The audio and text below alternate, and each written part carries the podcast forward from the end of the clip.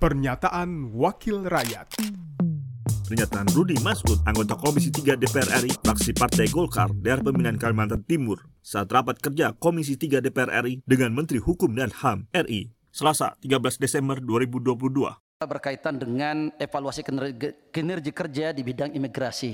Tadi mewakilin Pak Romo menyampaikan susah sekali mendapatkan visanya mau ke Amerika. Kalau ke Amerika menurut saya terlalu jauh, Pak. Untuk visa Indonesia saja tidak pakai visa masuk Singapura masih susah, Pak. Terkhusus buat nama-nama yang berbau Islam.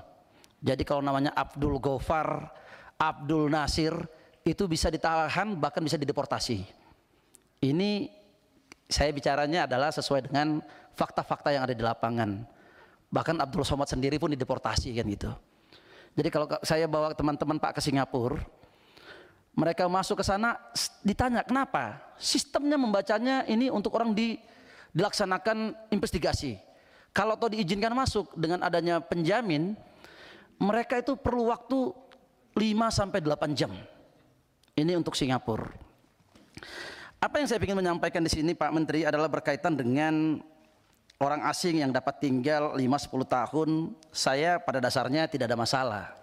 Hanya perlu bagaimana imigrasi kita ini khususnya di daerah-daerah provinsi yang padat, salah satunya mungkin seperti Bali, mereka melakukan perlu melakukan pengawasan terhadap visa-visa ini karena jangan sampai visanya visa turis ternyata pelaksanaan kegiatannya adalah melaksanakan kegiatan keekonomian yang bisa merugikan pendapatan negara terutama daerah-daerah yang padat. Dan kita mengetahui Pak, bukan hanya Bali yang padat itu.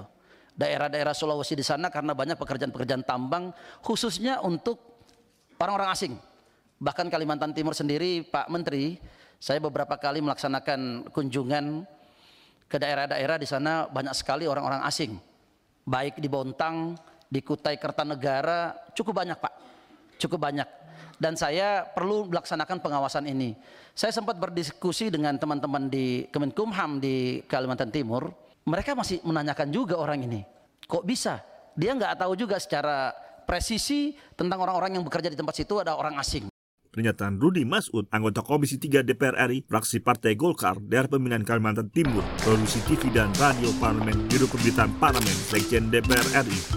Pernyataan Wakil Rakyat.